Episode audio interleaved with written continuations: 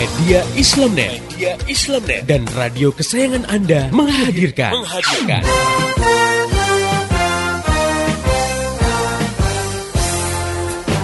Voice of Islam. Voice of Islam. Voice of Islam. Pastinya di ajang kontes kecantikan itu ada pamer aurat Oh, dong. bener banget, Mbak. Padahal seorang muslimah kan diperintahkan Allah Subhanahu wa taala untuk menutup auratnya ya. Biasanya para kontestan itu kan pasti harus berlenggak-lenggok di hadapan dewan juri Iya. dan juga penonton gitu. Padahal dewan juri ataupun penontonnya ini kan nggak semuanya cewek ya. Iya, betul. Malah banyak yang dari kalangan kaum adam gitu kan. Atau mereka dipotret ya oleh juru foto yang juga bukan mahramnya. Udah gitu pakaiannya minim lagi, nggak nutup aurat. Nah ini jelas pelanggaran yang nyata terhadap hukum Islam.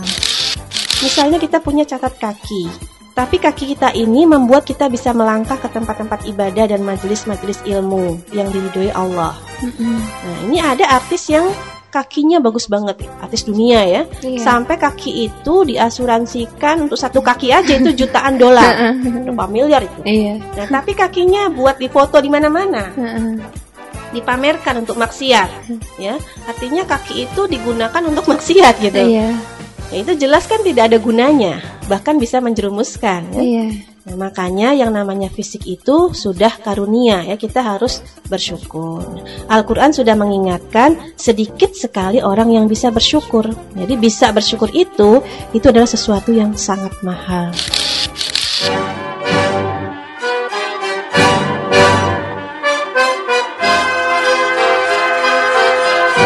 Voice of Islam. Islam. Voice of Islam.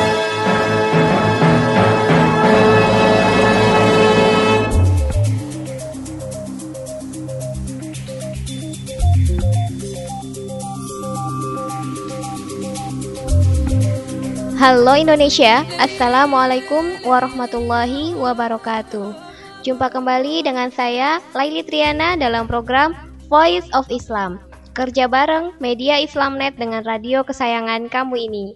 Dan selama 30 menit ke depan, Voice of Islam akan menemani ruang dengar kamu dalam rubrik Cewek Only. Nah, sesuai dengan namanya, rubrik Cewek Only ini akan membahas seputar permasalahan-permasalahan cewek. Ter- terutama permasalahan yang memang lagi ngetren kali ya. Jadi buat kamu-kamu yang merasa cewek, jangan pernah melewatkan uh, rubrik ini dan tetap stay tune, dengerin terus sampai habis acara ini. Dan buat yang cowok-cowok nggak masalah kok kalau misalkan mau dengerin, tapi nanti jangan kaget ya kalau misalkan ada kata-kata yang itu memang khusus untuk cewek. Langsung saja di sini sudah hadir pengasuh rubrik cewek only yaitu Mbak Asri Supatmiati. Beliau adalah penulis buku remaja yang berjudul The World of Me.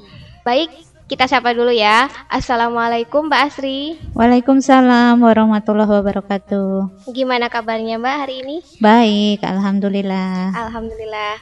Nah, sobat muda, sebagai cewek eh, pastinya kamu suka belanja kan? Nggak masalah sih, asal barang yang dibeli memang dibutuhkan. Masalahnya nih sekarang gitu ya, kalau kita lihat kaum cewek itu kadang-kadang jadi konsumtif karena membelanjakan hal-hal yang bisa dibilang nggak begitu perlu kali ya. Misal pernak-pernik atau karena hanya tergiur dengan diskon yang tinggi gitu ya.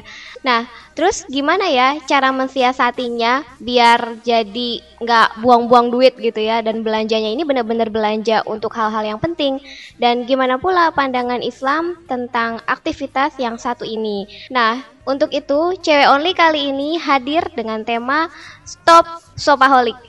Ya, langsung saja ya kita bincang-bincang dengan Mbak Asri Supatmiati tentang Sopaholic ini. Eh, baik Mbak, kira-kira setuju gak sih Mbak kalau cewek itu dibilang gil- gila belanja? Cewek gila belanja. Wah, setuju banget nih ya. Kalau saya lihat fenomenanya emang kayak gitu tuh. Memang sih kaum cowok juga nggak sedikit ya yang hobi belanja ya. Tapi kalau melihat fenomena, kayaknya memang yang paling mendominasi tuh cewek ya. Saking hobinya belanja, sampai-sampai ada istilah sofaholik alias gila belanja loh. Nah ini terutama yang melanda kalangan cewek nih. Wah, apaan tuh Mbak? Apakah Sopaholic itu sejenis penyakit? Sofaholik ya emang bukan penyakit sih ya, tapi bisa membahayakan juga loh, kayak orang sakit kali ya. Terutama ya membahayakan isi dompet gitu. Nah, sofaholik itu artinya kebiasaan belanja yang melebihi kebutuhan gitu. Barang nggak perlu dibeli sampai habis-habisan deh duitnya. Malah kerap kali seperti pepatah yang mengatakan besar pasak daripada tiang alias besar belanja daripada pendapatan. Jadi sebetulnya duitnya itu cekak gitu ya, hmm. di dompetnya juga tipis gitu ya. Tapi belanjanya gila-gilaan. Hmm. Itu yang disebut sebagai orang yang terkena sofaholik gitu. Hmm. Jadi bener-bener gila sama belanja meskipun gak punya duit ya. Mbak? Iya betul. Nah terus virus sofaholik itu asalnya dari mana sih memang Mbak? Sebetulnya gaya hidup sofaholik itu berangkat dari cara pandang kapitalis ya, di mana mereka hmm. selalu memandang bahwa kebahagiaan itu diukur dengan materi Makanya mereka berlomba-lomba mendapatkan banyak harta. Ya, salah satunya dengan belanja itu tadi. Kalau kita lihat sekarang yang namanya belanja itu udah jadi lifestyle ya. Jadi gaya hidup mereka gitu. Pokoknya aktivitas belanja tuh udah jadi kebiasaan. Meskipun nggak punya duit sekalipun, ya dibela-belain deh ngutang sana, ngutang sini gitu ya. Atau yang sekarang lagi tren nih ya pakai kartu kredit ya. Orang bisa belanja duluan dengan mudahnya, nanti tinggal tunggu tagihan aja gitu. Sama aja ngutang ya. Iya.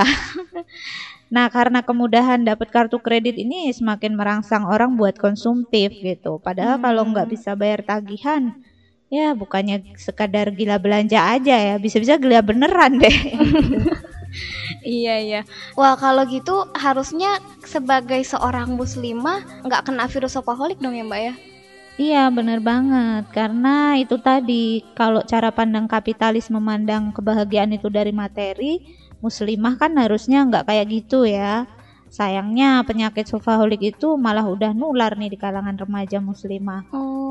Iya buktinya shopping juga udah jadi gaya hidup yang berujung pada konsumtivisme ya Lihat aja kalau akhir pekan pasti banyak remaja-remaja cewek bahkan yang berkerudung yang pada nyambangi mall gitu kan daripada ngaji mendingan ngeceng di mall gitu kan belanja atau mungkin sekedar lihat-lihat. Hmm. Tapi Mbak bukan berarti belanja itu nggak boleh kan ya Mbak ya? Ya iyalah, boleh-boleh aja belanja itu. Malah kadang justru wajib loh kalau memang barang itu benar-benar kita butuhkan. Misalnya sebagai muslimah nih, apalagi yang baru nutup aurat. Kalau udah punya duit ya wajib buat dia buat membeli kerudung membeli jilbab gitu kan. Hmm. atau misalnya seorang pelajar. Kalau mau pinter ya kudu beli buku dong. Makanya keberadaan mall atau pasar itu sendiri justru suatu kebutuhan yang mubah-mubah saja. Masalahnya kan kadang niat ke mallnya itu bukan sekedar belanja. Hmm, Tapi kalau iya. remaja banyak yang cuma mejeng, mejeng gitu, gitu kan, ya. nongkrong atau malah mojok gitu dua-duaan gitu sama lawan jenis. Atau kadang-kadang juga banyak juga sih yang nggak belanja cuman lihat-lihat alias mata, window gitu. shopping uh, iya. cuci mata doang. Ya sebenarnya nggak masalah sih asal tahu waktu aja gitu. Jangan sampai kebablasan sampai lupa waktu sholat lupa makan lupa minum lupa belajar apalagi gitu kan. Untung nggak lupa hidup ya mbak. Iya Jadi sebetulnya intinya belanja sih boleh-boleh aja, asal jangan gila belanja gitu. Oh, iya iya. Nah sekarang kalau memanfaatkan diskon nih mbak, boleh nggak? Ya diskon ya, boleh aja sih, tapi dengan catatan barang yang didiskon itu emang dibutuhkan. Artinya kalau barangnya nggak dibutuhkan ya walaupun didiskon sampai 90% misalnya ya, buat apa dibeli? Nah itu tuh yang disebut dengan konsumtif alias hmm. menghambur-hamburkan uang. Misalnya cewek lihat tas cowok yang didiskon terus langsung diembat. Padahal itu tasnya model cowok gitu ya, yang pantasnya cuma buat cowok lah gitu. Iya, iya. Wah nanti kan sia-sia ya kalau apalagi kalau nggak sampai dipakai gitu kan. Makanya kudu bisa memanage keuangan biar belanja itu tetap asyik, tapi juga nggak bikin kantong kita tekor lah gitu. Hmm, iya, iya. Nah, sobat muda sekalian, itu tadi tentang sopaholik alias gila belanja. Waduh, jangan sampai ya sobat muda di rumah semuanya sampai pada kena virus ini nih bisa bahaya, bisa-bisa dompet terkuras habis. Lah, lalu gimana caranya ya supaya kita nggak terkena virus sopaholik? Terus apa ada nih tips-tipsnya biar belanja kita tetap hemat? Penasaran gimana caranya? Makanya, jangan ke mana-mana, tetap setia di Voice of Islam. Sendiri ku terpaku di sini, tak henti lalui kenangan indah dulu, serasa diri ingin berlari mengejar masa yang telah berlalu. Bilakah semua ini terjadi? Mimpi yang takkan pernah terbeli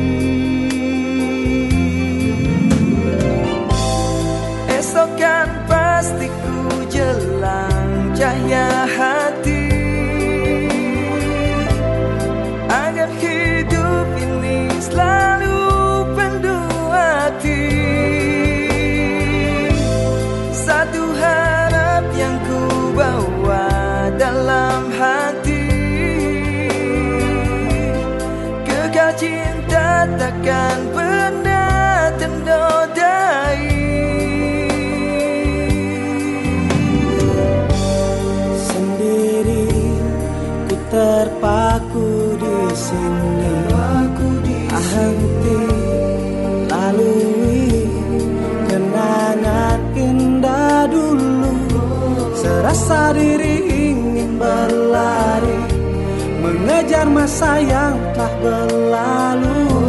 Bilakah semua ini terjadi? Impian takkan pernah terbeli.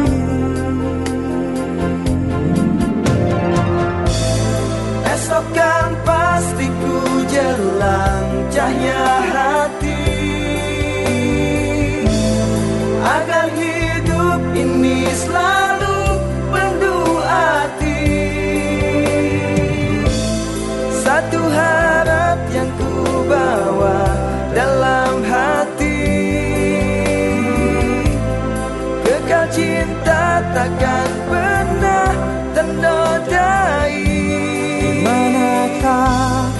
cari teman sejati Untuk arungi perjuangan suci ini Di manakah cari cinta hakiki agar kenangan indah terulang lagi.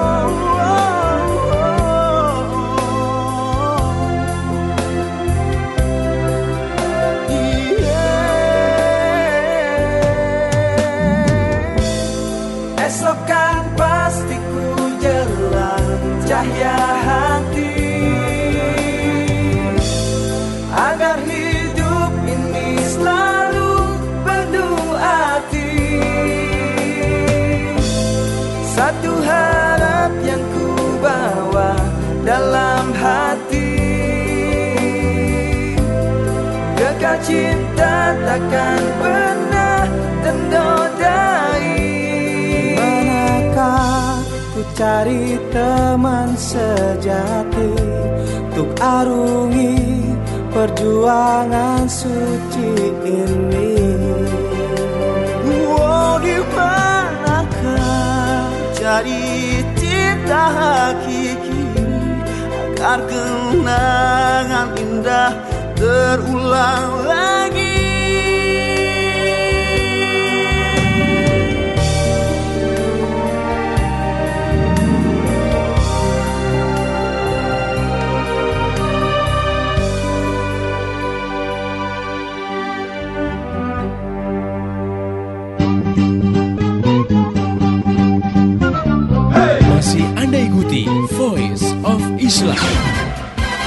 Persembahan media Islamnet dan radio kesayangan Anda ini. Voice of Islam. Voice of Islam. Voice of Islam.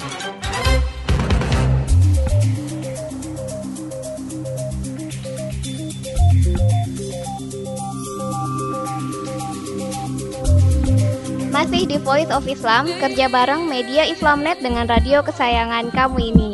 Nah, sobat muda sekalian, kamu semua masih bersama saya, Laili Triana dan Mbak Asri Supatmiati dalam rubrik cewek only. Dan kali ini kita sedang membahas topik Stop Sopaholic. Langsung saja nih Mbak, kita lanjutkan bincang-bincang kita tentang sopaholic ini. Oke. Eh, tadi kan sudah dibahas tuh apa itu virus sopaholic, terus gimana apa orang yang gila belanja itu. Nah, sekarang apa nih Mbak tipsnya supaya kita bisa hemat dalam belanja? Ya, baik Mbak Laili dan juga sobat muda pendengar setia Voice of Islam. Pastinya sih kalau kita pengen hemat ya, pertama tanamkan pola hidup sederhana dong. Jangan Hmm, mudah berangan-angan berlebihan gitu soal harta gitu ya. Yang realistis aja lah, termasuk ketika membeli barang ya sesuaikan dengan kemampuan. Kalau misalnya cuman punya duit seribu perak, ya nggak usah lah maksain diri buat beli barang yang harganya 5000 misalnya gitu kan. Dan yang kedua, buat para pelajar tentunya kamu-kamu belum kerja kan, artinya uang saku pasti dikasih dari orang tua kan. Makanya kita harus menghargai jerih payah orang tua. Gimana susah payahnya mereka mendapatkan uang, mesti kerja banting tulang lah gitu kan, meras keringet gitu kan, bahkan kadang berurai air mata. Waduh, dramatis sedih. banget ya. Iya. Masa kita sebagai anak dengan entengnya aja membelanjakan uang untuk keperluan yang sebetulnya nggak urgen-urgen banget gitu Iya, kan. Betul, betul. Makanya kalau belanja ingatlah sama orang tua gitu ya. Iya. Terus Kemud- apa lagi, Pak? Ya.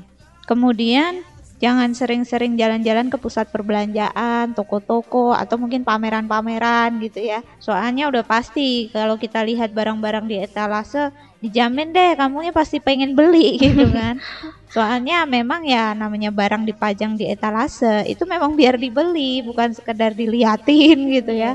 Apalagi dikacangin aja gitu kan dicuekin. Yang majang barang itu pasti niatnya supaya be- dibeli orang gitu kan. Hmm, iya. Terus kalau kamu belanja nih ya, sebisa mungkin dicatat keperluan kamu tuh apa. Jangan belanja di luar kebutuhan. Hindari beli barang yang nggak dianggarkan. Misalnya ya kita cukuplah datangi etalase tempat barang yang kamu butuhin, pilih-pilih harga, ambil, bayar terus ya udah pulang gitu. Hmm. Jangan ah lihat-lihat ini dulu, lihat-lihat itu dulu. Pasti dijamin kepengen Habis gitu. kelihatan sih, Mbak, kepanjang. Ya itulah godaannya ya. Iya. Nah, makanya ketika belanja kita juga perlu bikin skala prioritas gitu. Hmm, Iya, iya. Misalnya dari catatan itu diurutin barang-barang kebutuhan kamu yang paling mendesak tuh apa, sampai hal-hal kecil yang mungkin nggak terlalu mendesak. Jadinya nanti kalau kita belanja, kebetulan uang kita di kantong juga cuman dikit gitu ya, maka Hmm. kebutuhan pertama lah yang jadi prioritas buat dibeli. Kemudian baru yang urutan kedua dan seterusnya. Hmm, Iya, iya. Nah, terus tadi udah ada lima nih, Mbak. ya. Nah, lima itu mudah-mudahan cukup memberikan tips. Terus ada lagi nggak tips-tips yang lain? Iya, masih banyak ya kalau kita mau masih hemat sebenarnya. Iya, bisa sebenarnya kalau kita mau. Misalnya kalau belanja ya bawa uangnya secukupnya lah, jangan Hmm. sampai punya banyak duit terus dibawa semua. Karena kalau kita bawa duit banyak ya selain nggak aman dari copet ya, mungkin jadi sasaran copet. Kita jadinya ketika kepengen langsung aja beli karena ah bawa duit ini gitu kan. Hmm, lupa gitu ya kalau Iya, jadi lupa segitu. daratan deh belanjanya. Terus biasanya juga eh, mudah tergiur diskon. Nah, ini dia. sebetulnya sih di- diskon boleh-boleh aja dimanfaatkan. Asal tadi kan catatannya bahwa barang itu emang kita butuhkan. Tapi kalau barang-barang yang nggak dibutuhkan ya walaupun di diskon nggak usah lah kita tertarik untuk membelinya ya. Iya, berarti cari barang yang dibutuhkan dan cari yang didiskon gitu ya, Mbak. ya? Iya, cari yang murah tapi bagus. itu mah maunya semua orang ya. Iya. Ya, terus ada lagi nggak, Mbak? Iya, ini salah satu yang mempengaruhi orang belanja itu adalah biasanya mereka mudah tergoda iklan. Ah. iya betul. Naluri belanjanya langsung bangkit tuh kalau ada rangsangan iklan ya. Apalagi yang suka nonton TV ya, baca-baca majalah atau juga sekarang rame juga ya spanduk-spanduk gitu, Hmm, leaflet iya, iya. selebaran dari pusat-pusat perbelanjaan. Nah, diiklankan kan, wah banting harga gitu kan, cuci gudang gitu. Nah, mestinya kita harus selektif lah. Ini iklan-iklan kayak gitu kan memang merangsang orang buat membeli. Tapi bener nggak sih kita butuh barang itu gitu Hmm, kan? iya. Terus kalau mau benar-benar hemat, ada baiknya juga kita survei harga. Misalnya kita cari informasi lah. Eh kalau beli buku yang murah di mana sih? Di toko Hmm. apa gitu kan? Kalau Iya, beli iya. baju di mana ya yang paling miring harganya gitu kan? Nggak perlu kita keliling kota yang banding-bandingin harga enggak. Mungkin dari teman-teman ya kita dapat informasi. Eh kalau beli peralatan sekolah di sini loh yang murah. Kalau beli sepatu di sini loh yang bagus tapi harganya miring. Nah kalau udah gitu insya Allah kita bisa hemat. Iya. Nah, tadi itu mungkin tips-tips eh, untuk biar bisa belanja hemat nih ya, Mbak ya. Sekarang kalau Islam sendiri gimana nih, Mbak memandang masalah eh, shopaholic alias gila belanja ini? Begini ya Mbak Laili dan juga sobat muda pendengar setia Voice of Islam.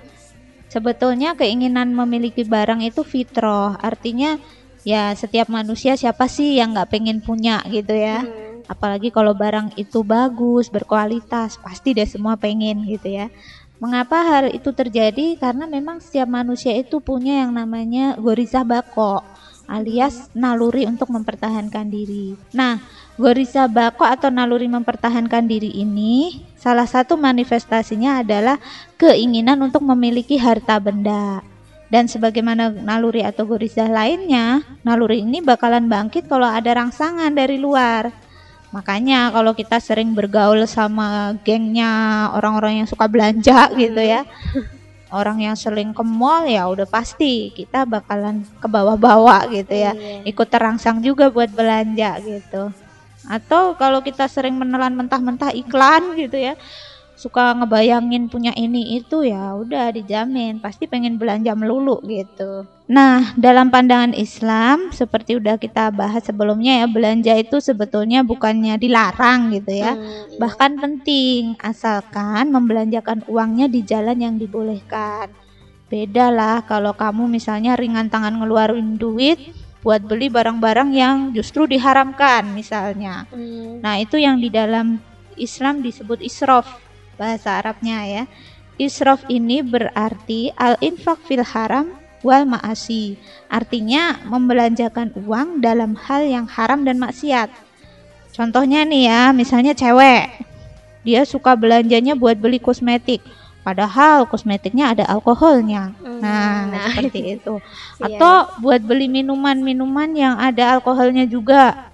Atau buat berjudi. Wah, Iya. jangan salah loh, remaja-remaja cewek juga bisa aja terlibat judi gitu kan. Hmm. Misalnya judi SMS gitu kan.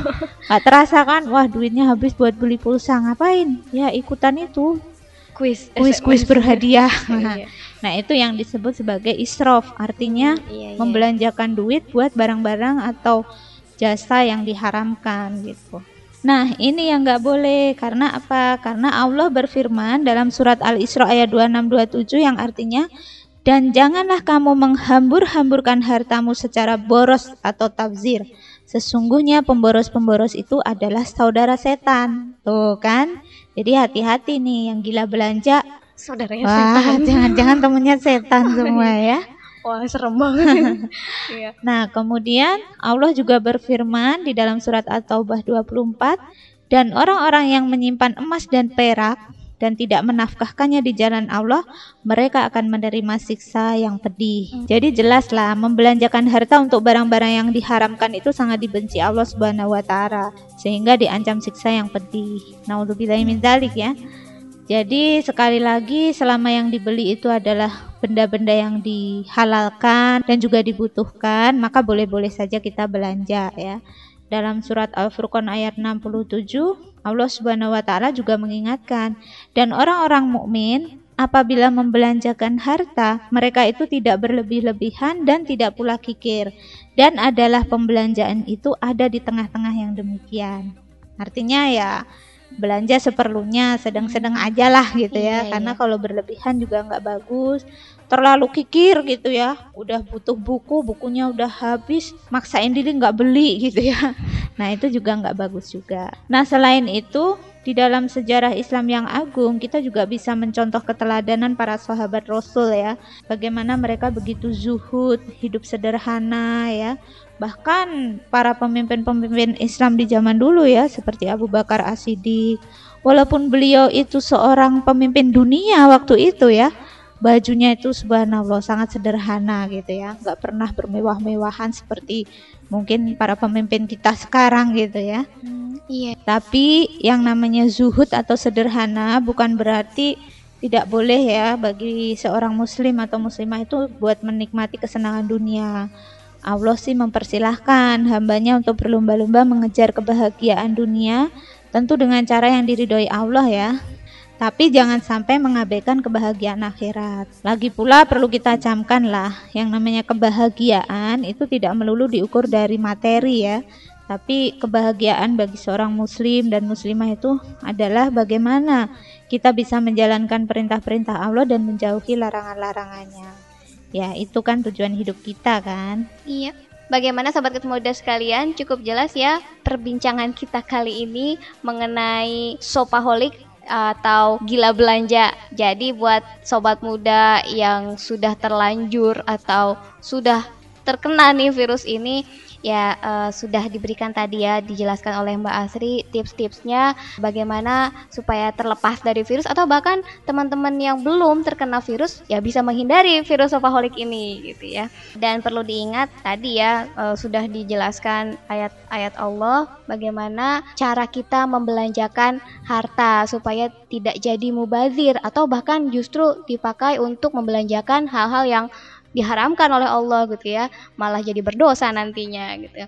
Oke, sobat muda sekalian yang ingin bertanya, memberi kritik, saran dan masukan, sobat muda bisa kirim surat ke radio kesayangan kamu ini atau kirim SMS ke 085694924411 atau bisa juga melalui email ke mediaislamnet@yahoo.com.